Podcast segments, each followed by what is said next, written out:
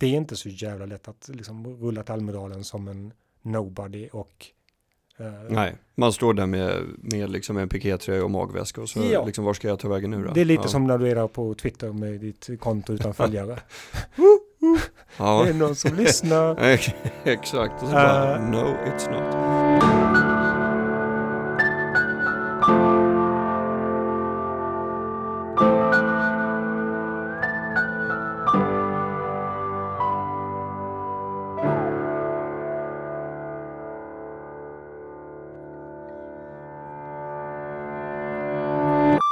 Tidigare kommunikationsstrateg vid Forum för levande historia och Head of Digital PR vid Socialdemokraterna, bland annat. Också mannen som gav oss Twitter-census och idag VD för Intellecta. Hampus Brynolf, välkommen till programmet. Tack, vice VD för Vice VD ska vi säga. Vice VD? Sa, sa jag bara VD? Du sa VD. Jaha, jag går händelserna i förväg. Eller du är väl ganska, eller jag, jag vet inte alls vad du tycker om, men du, det finns ju en VD redan idag. Ja. Som tillträdde samtidigt som du tillträdde. Precis. Alexandra Kindblom. Kindblom, ja, ja. precis. Hur är hon? Hon är fantastisk. Ja. Mm. I knew you'd say that. uh, hur, hur samarbetar ni? Liksom? Hur kompletterar ni varandra? Uh, alltså hon kommer ju från en tydlig redaktionell bakgrund. Uh, som chefredaktör för Vagabond bland annat och varit på Vi. Uh, och jag har ju en väldigt tydlig digital bakgrund. Uh, så jag skulle nog säga att vi kompletterar varandra väldigt väl där. Alltså hon kan innehåll, jag kan digital kommunikation och PR och i det gränslandet så rör sig all kommunikation idag skulle jag säga. Började som strateg va, på Intellecta ja. 2011. Yes. Och sedan augusti 2015 vice vd. Ja. Hur känns det? Det är lite skrämmande får man väl säga. Har du, har du många som du måste arbetsleda och så? Eller är, är, Nej, vice vd-rollen en strategisk roll? Uh, den är huvudsak, alltså jag, jag, jag arbetsleder också, uh, men huvudsakligen en strategisk funktion. Uh, vi har gruppchefer på bolaget som som har det huvudsakliga personalansvaret. Vad är, vad är värst att ta sig an som vice vd? Oj. Mm. Det är väl, är det väl ingenting som är värst, men det är ju lite splittrat. Alltså, eh, så som vi riggar de flesta byråer, man jobbar ju inte uteslutande med interna processer, utan du jobbar med kunder, du jobbar med sälj och du jobbar med, du jobbar internt och du jobbar på alla håll hela tiden. Um, och den prioriteringen är väl den som kan vara lite svår. Är man i konsultbranschen, då kommer alltid kunden att komma först. Är man som, har man som jag säljansvaret, då kommer säljet också först. Mm. Uh, och då har vi sälj och kund. Sen har vi medarbetare och det interna och det tenderar att liksom prioriteras ned hela tiden i, i, i en begränsad, när man har begränsat med tid. Och det är väl Alltså den dragkampen är väl det som är det jobbigaste skulle jag säga. Ja, du menar personalvård och sådana saker? Det ja. blir inte lika mycket bowling när det är, när det är säljkrav och sådär? Nej, nej, men både det, men eller bara vara där. Om man springer mellan kund och sälj och kund och sälj, eh, då är man ganska lite med sina medarbetare, de som gör allt det fantastiska jobbet i slutändan. Um, ja, så det, det, är väl, ja, det skulle jag säga den, det tuffaste sådär. Vill, vill du berätta kort vad, vad ni gör på Intellecta? Alltså på Intellecta Corporate, alltså Intellecta, för att göra det här komplicerat, Intellecta AB är moderbolaget eh, som är en kommunikationskoncern och Intellecta Corporate som är bolaget där jag är vice vd är ett av bolagen som också är ursprungsintellecta. Eh, mm. Uh, vi är en, ska säga, en bred kommunikationsbyrå, uh, digitalt, redaktionellt och finansiell kommunikation. Um, mycket offentliga kunder, mycket stora komplexa organisationer med stora komplexa kommunikationsbehov. Jobbar huvudsakligen i förtjänade och egna kanaler. Ganska lite med köpt, alltså vi är inte en reklambyrå någonstans. Nej, nej, nej. Ehm, mm. Men vi jobbar mycket med regeringskansliet och med Livsmedelsverket och med eh, Strålsäkerhetsmyndigheten. Den typen av, av eh, kunder. Mm. Uh, och på den finansiella sidan gör du det stora börsnoterade bolag som gör årsredovisningar och den typen av så. Så uh, du kan så, LOU utan och innan? Det kan jag. Så vi, vi är långt från snabbrörlig konsument. Eh, och vi är galet duktiga på förankring i stora organisationer. Mm. Få med hela den här, om det oavsett om det är myndighet eller företag, Mm. köpa in på konceptet, liksom knåda fram det, få med alla på tåget, få ut kommunikationen. Just det. Den här kombinationen B2G to C, Mm. eller? Kanske. Så. Du, Anders Borg som var vd sedan 2006, han har ju klivit ner från posten men är fortfarande kvar på Intellecta vad jag förstår Ja. i form av seniorkonsult och styrelseordförande. Yes.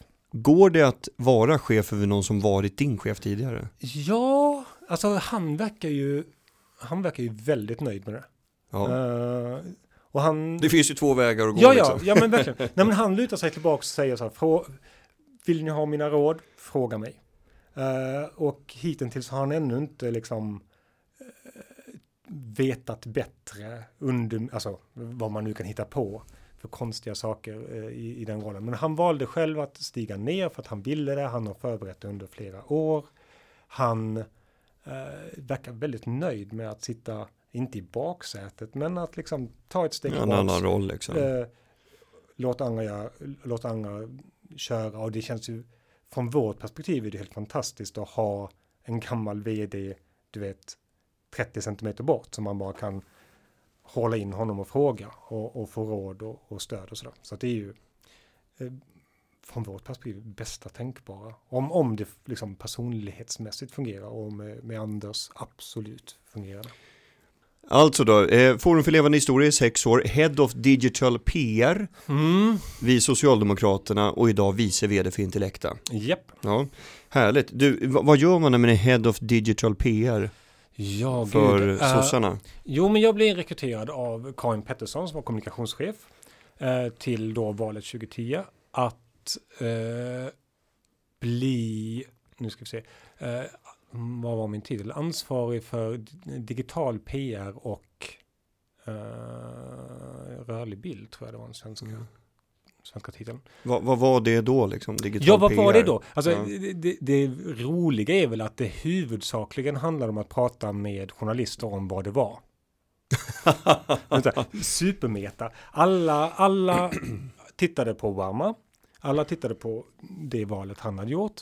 Uh, följaktligen så rekryterade alla partierna eh, so- sociala medier-experter av olika slag.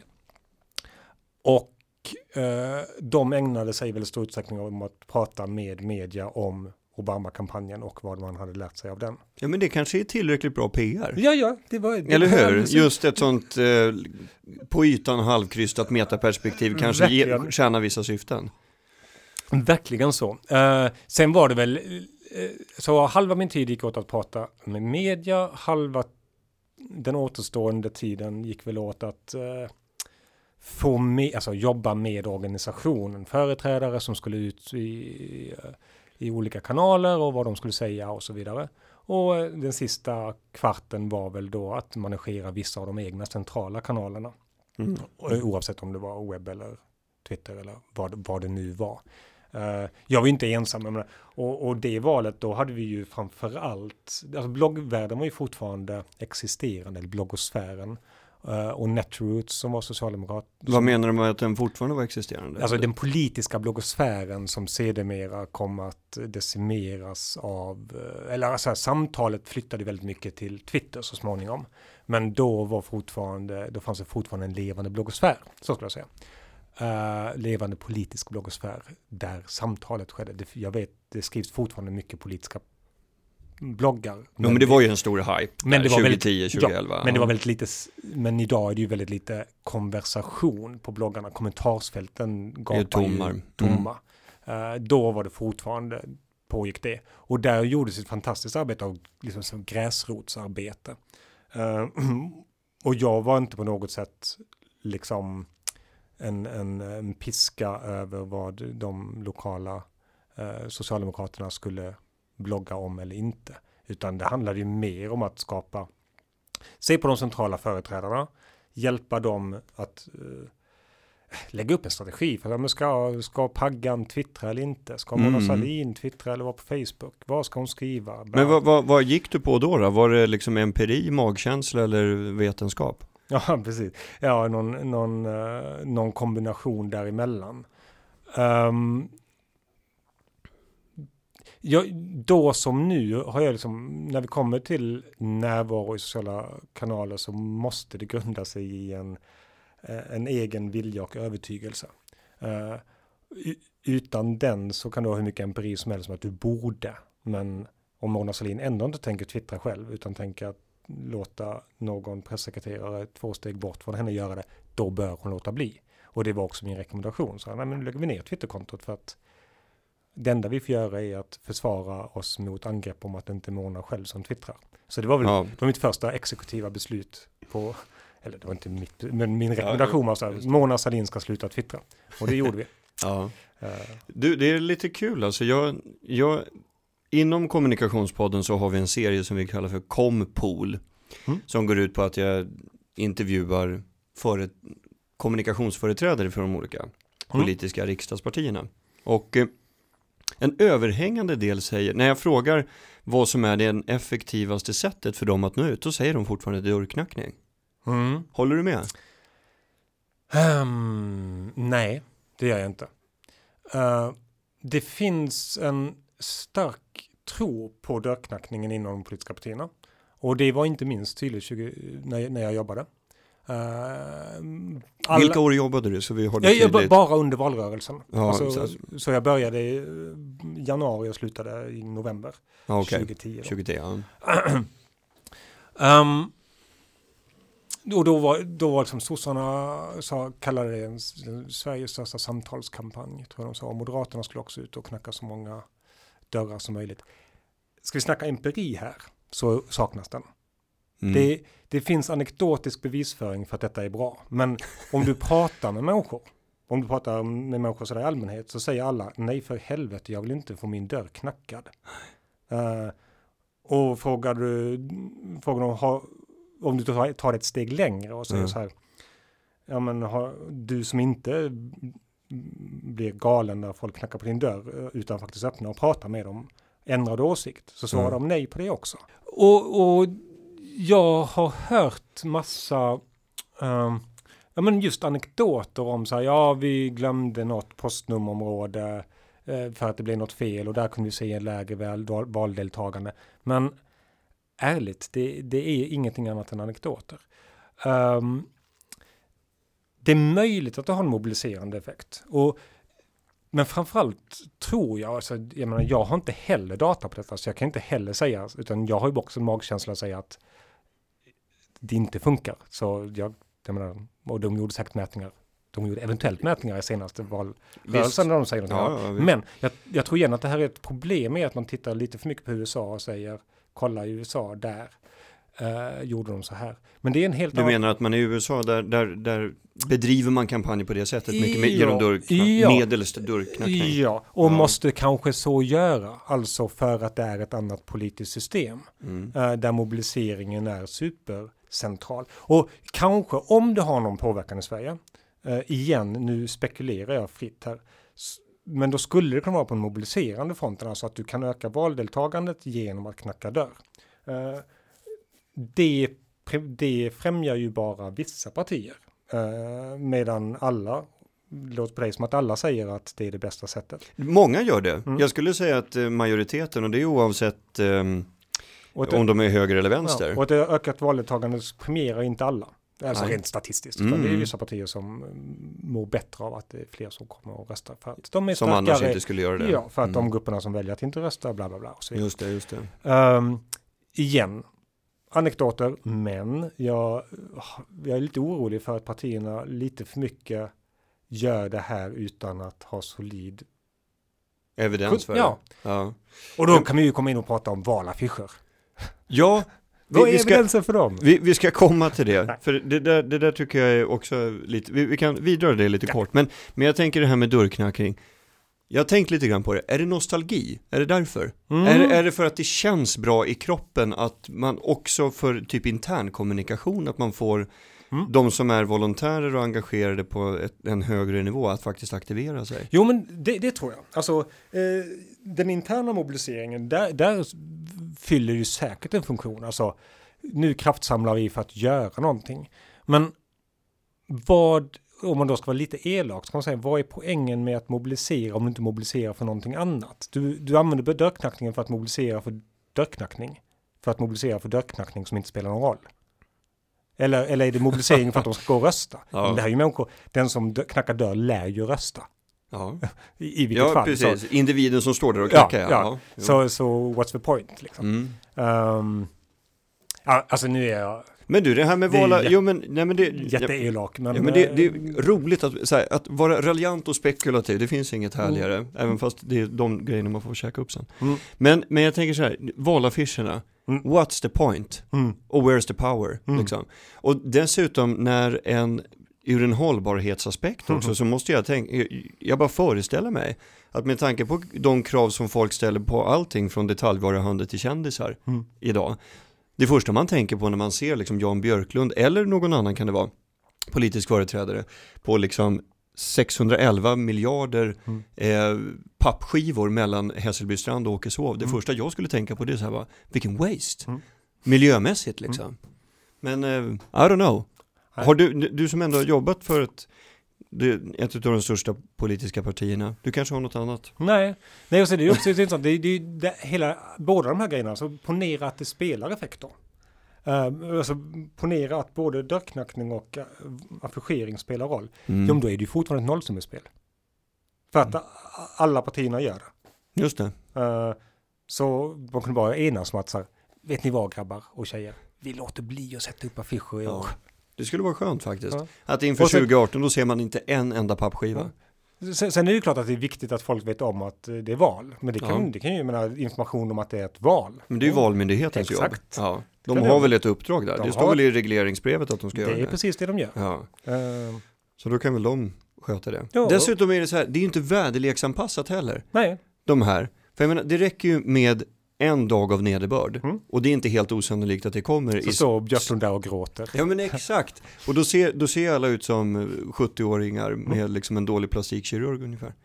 Okej, men du, ehm, varför övergav du politiken för att bli mer corporate? För nu är du vice vd för Intellekta. Mm, ehm, ja, jag var, jag var inte intresserad av att jobba på, alltså att jobba för ett parti i valrörelse, det är rätt häftigt. Det är, en, det är ett stort, gigantiskt, roligt maskineri eh, där alla eh, jobbar för samma, liksom, ja, jobbar stenhårt för, för samma sak. Um, att sitta i jobba med kommunikation på ett parti i opposition efter ett val man precis har förlorat, det är en helt annan, det är något helt annat. Mm. Och det var inte riktigt, liksom, det var inte vad jag var intresserad av. Hade jag, du inte engagemanget ordentligt eller? Var det det? Eh, nej men jag ville göra kampanj. Det var ju det som jag tyckte var jättehäftigt. Alltså göra kampanj för någonting jag tror på.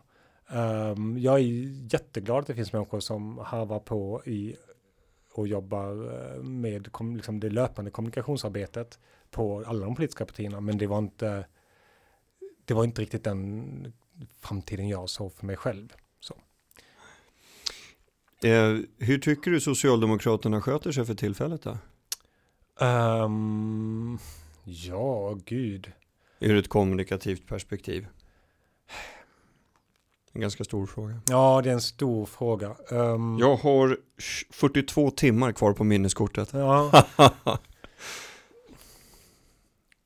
Nej men det är väl, det är ju en sån jäkla speciell, speciell situation, Ja. skulle säga, efter senaste valet. Och det, det är väldigt svårt att,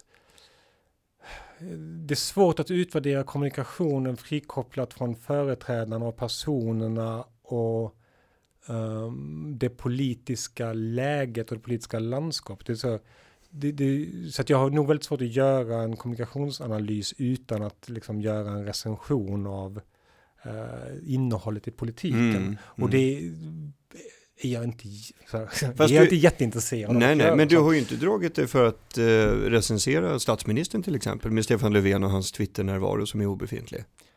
har, jag, har jag gjort det? Ja, du Ja, sa... det kanske jag, det kanske jag har gjort. Jo, men, du sa i någon intervju för inte så Mm. länge sedan att du tycker att de borde ha ett eh, Twitterkonto. Ja, Så har jo, men det är, inte väl, det, är väl, det är väl vad en statsman borde, eller en, en eh, statsminister borde 2016, är det nu va? Mm. Mm. Det, det tycker jag nog. Uh, nej men det, det lämnar väl lite övrigt att önska. Men jag vet inte om nödvändigtvis Socialdemokraterna är så väldigt mycket sämre än, än någon annan i detta nu. Det är lite skakigt. Um, I svensk politik? I svensk politik. Mm. Det är inget, det, det, det, det är inget att säga så. Nej, precis. Nej, men, men, och min poäng är nog att uh, det är inte så jäkla lätt att kommunicera bra, tydligt, effektivt uh, just nu. Uh, jag vet inte riktigt vad jag skulle göra annorlunda om jag, om jag satt på insidan. Vad skulle, vad skulle min rekommendation vara mm. nu? Jag är inte helt säker, det är inte helt självklart. Men du, jag, jag tänker när vi ändå är inne på Twitter, alltså kritiker kanske skulle säga att Twitter bara består av politiker, mediejuppis och nättroll. Mm. När, när man verk, alltså, kommer man verkligen ut till rätt personer? Även om man spelar alla korten rätt som Twitter-användare? Nej, det gör du inte. Eh, eller det beror lite på vad du, vad du vill åstadkomma, men, men för politiker så är ju Twitter en kanal att nå ut till opinionsbildare och en politisk elit. Um, det finns andra användare på Twitter och det, det är väl lite det jag har liksom över åren påvisat med mina med Twitter Census-mätningen. Uh, eh, men det är ganska starkt klustrat. Det finns ett tydligt mediapolitikkluster. Uh, det har väldigt lite överlapp med Härnösandsungdomarna eller ett väldigt mm. lite överlapp med uh, sportklustret. Liksom.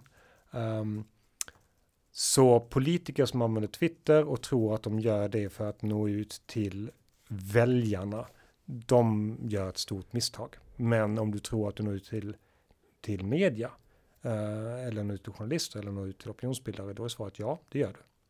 Eh, och det är nog så viktigt.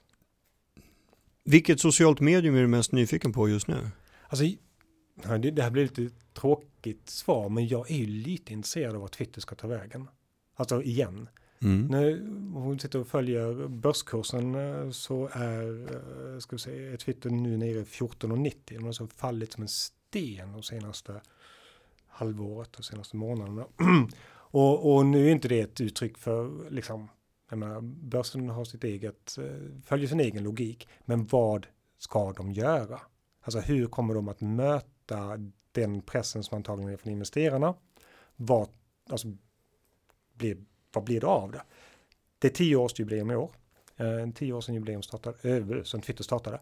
Twitter har förändrat i grunden det offentliga samtalet i Sverige. Alltså det är rätt, det är rätt stort. Mm. Uh, vad händer härnäst? Liksom? Kommer de att, de valen de kommer göra på Twitter nu kommer att vara liksom make it or break it. Det kan bli katastrof, det kan bli, jag vet inte vad. Uh, Eh, de kan konvertera sig själva till någonting helt koko och, och göra sig helt irrelevanta. Så det är jag så här väldigt intresserad av för att jag är intresserad av den typen av kommunikation. Jo, men tw Twitter Sensor som du skapade, be berätta kort vad, vad det går ut på. Alltså det är en totalkartläggning av det svenska svenskspråkiga Twitter-sfären där jag kartlägger alla konton och hur de hänger ihop. Uh, och det har, liksom Twitter Sensors kartläggningen uh, eh, har också man kan kalla det en sociala medier-grundforskning. Jag tittar, de kunskaperna man, jag har dragit där kan man applicera lite bredare på sociala medier och handla om hur vi organiserar oss i digitala kanaler. Och, och en av de tydliga resultaten som jag har kunnat påvisa väldigt kraftfullt och eh, även visuellt är ju att vi organiserar oss så väldigt klusterartat. Alltså vi pratar med andra som delar våra intressen. Och när företag tittar på sina Twitter-delningssiffror så ja, 10 000 delningar, wow, då fick vi en potentiell räckvidd på 1,5 miljoner för att vi har gångat antalet följare med antalet uh, retweets. Mm. Uh, så jag kunnat tydligt påvisa att det är falsk matematik. Det är inte så det ser ut, utan det, det som har hänt är att de här tusen personerna har delat de här tusen tweetsen med varandra tusen gånger. Det är någonting helt annat. Så man ska inte vara en kommersiell aktör på Twitter om man vill nå ut? Ja, det beror, det beror lite på. Eh, men du måste vara medveten om lite hur, hur kanalen fungerar. Eh, och inte blint tro på PR-byråns uppblåsta siffror på, på räckvidd. Och det gäller Twitter såväl som Facebook eller, eller de andra kanalerna. Enligt siffror som Twitter Census presenterade förra året, alltså 2015, så har Twitters tillväxt i Sverige nästan helt stannat av. Mm, Vad det, beror- vad det gäller de aktiva kontona. Mm, Va, vad beror det på då? Jag tror att, och det, det här hänger lite ihop med varför det inte går så bra för Twitter. Ehm, de har nått en... Så säga, man har nått ut till de som, alltså, vad ska jag säga? Gud, det, var, det är en jätteenkel fråga. Jag brukar svara på den massa gånger. Ja, men det, då händer det här liksom, Ja. då får man hjärnsläpp. Eh, Vad beror det på att eh, Twitter helt har stannat av, nästan? Alltså de har nått sin fulla potential i den formen som Twitter är. Eh, för att kunna nå bredare så tror jag att Twitter skulle kunna bli något, behöva bli någonting annat. De skulle behöva ha en helt annan onboarding-process. Eh, det är ju fortfarande lite så att du registrerar dig på Twitter och så står du där och är i ett tomt rum och sen föreslår Twitter att du ska börja följa Adam Alsing Mm. eller något sånt där. Pernilla Wahlgren Ja. motsvarande. Ja. Och så gör du det och sen pratar du ut i tomma intet. Hallå? Hallå? Är någon som? Ja. Och inte ens Adam Alsing lyssnar. Nej. Ehm, och det är ju också det som är kanske varit liksom Twitters framgång. Det, det korta formatet, den lite högre tröskeln in. Men ja, de verkar också ha nått en uh, nått vägs ände där. Och det är därför det är lite intressant var, var de kommer att ta vägen. Hur ser en framgångs... Nu, Intellekta jobbar ju med många offentliga kunder. Hur ser en framgångsrik mediemix ut enligt dig? Ehm, Utifrån den verklighet du sitter med. Mm. Ja, det, det är svårt att säga generellt, men vi tenderar ju att jobba mycket liksom, i, i, i ordningen med primärt egna, eh, sekundärt förtjänade och i tredje hand köpta. Det kommer ju att skilja sig åt beroende på vilken, vilken myndighet vi pratar om. Vi kan ta exemplet som vi var inne på tidigare. Eh, valmyndigheten som vi jobbade med. Eh, ja, där är det mycket köpt. Det är mycket köpt och budskapen är av en sådan karaktär att du kan inte förtjäna, alltså det är klart du kan förtjäna eh, utrymme, det kan, det kan du alltid, men det ska vara torrt och sakligt och det ska kommuniceras ett enda budskap och det är så här gör du för att rösta. Ja, det är bara att köpa en massa media och Mm. trycka på Ja, liksom. det är ju svårt att liksom lyssna till en PR-konsult som säger bara, men fan kan vi inte tweaka den här storytellingen lite grann? Ja. Precis, kan vi höja konflikten? Exakt, kan, kan det inte vara ni två som sitter här börjar bråka så Ja. att vi kan få ut det? Ja. Eh, Medan när det handlar om Livsmedelsverkets kostråd, ja då är det en helt annan mix som behövs förstås. Mm. Då är det God kväll Aftonbladet söndag. Ja, lite, lite beroende på, eh, jag menar, även, även Livsmedelsverkets kostråd är ju en, en fråga, ja, vilka vill vi prata med just nu? Är det, är det, är det män med för högt saltintag som är i målgruppen eller är det ja, ungdomar som ska lära sig att äta rätt för första gången när de flyttar hemifrån eller, eller vad månde det vara? Um, alltså jag, får, jag får nog vara så tråkig, jag får svara att det finns ingen generellt svar på den frågan. Jag vet, Eh, alltså det, ju äldre man blir så blir svaret oftare och oftare att det beror på. Ja, det, det beror helt och hållet på. Och det är, där, Ja. menar, det är därför vi finns. Annars, kan, Annars kunde de göra det själv. annars kan de göra det själv. Intellekt och gå i graven. Ja, Det vill vi inte. Nej. Du, eh, just nu pågår Almedalsplaneringarna för fullt för Ja. de som har lite framförhållning. Ja. När det här spelas in så är det i februari. Varför är Almedalen viktig? Och För- för vilka? Ja, impopulär dubbelfråga. ja. Nej, men Almedalen är ju ett helt fantastiskt, är fortfarande ett helt fantastiskt fenomen skulle jag säga. Med en, en öppenhet och en transparens som är ja, men som sällan skådats. Eh, att gå runt i Almedalen bara som besökare, nu har jag tyvärr aldrig haft möjligheten att bara vara besökare där, men är ju det som bjuds på är helt fantastiskt och möjligheten att komma så nära så många smarta människor i beslutsfattande positioner är helt unik. Um, det, är, det är häftigt och det, jag tror, eller jag, tror och vet att det händer väldigt mycket i Almedalen som faktiskt för det svenska samhället framåt. Väntade såväl som, Som ovänt- vad då? Ja, men väntade såväl som oväntade möten. Ja. Eh, där man, där om den och den på den intresseorganisationen pratade med den och den på det, det företaget så skulle det kunna hända saker. Och precis den typen av saker händer i Almedalen.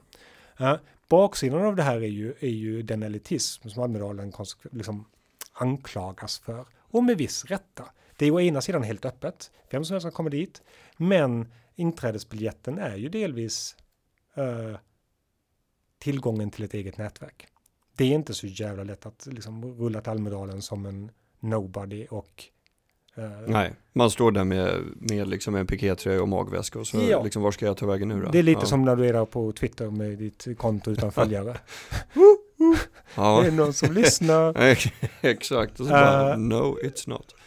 Men, men alternativ, men, och den kritiken är ju förstås berättigad för Almedalen delvis, men vad är alternativet? För att men, alternativen är ännu mer stängda skulle jag säga. Mm. Almedalen är öppnare än någon annan plattform, något annat ställe den här typen av samtal förs.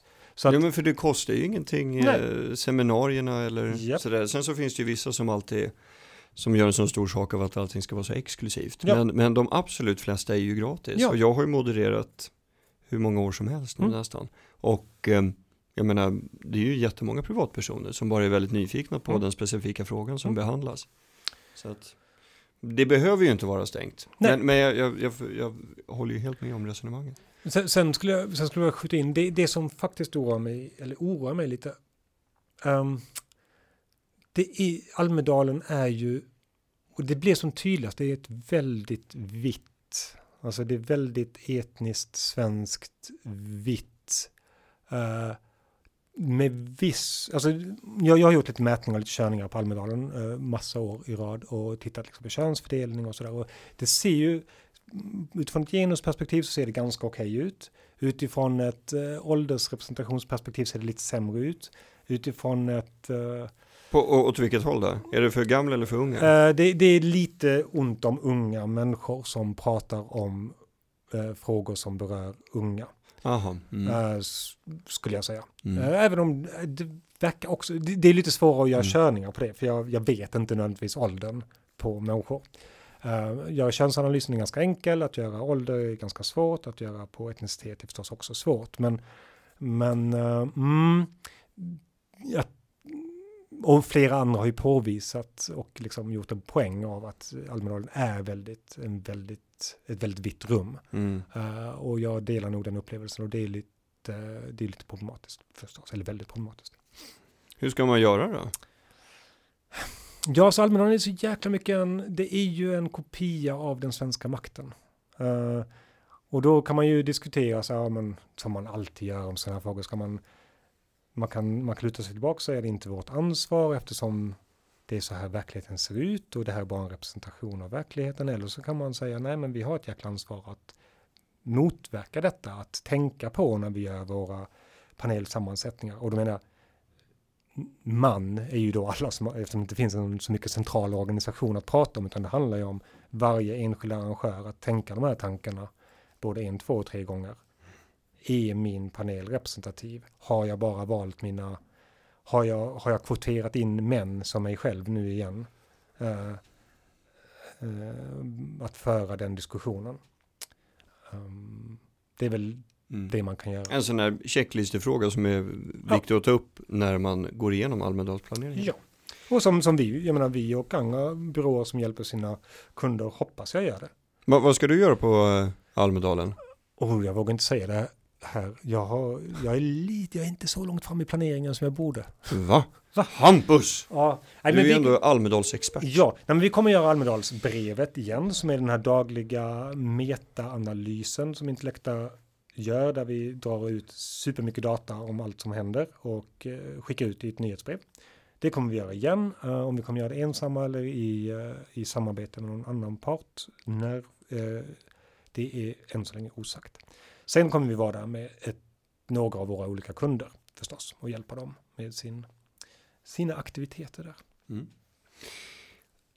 Stort lycka till med det. Tack. Eh, Hampus Brynolf, stort tack för att du ville vara med i Kommunikationspodden. Tack så mycket.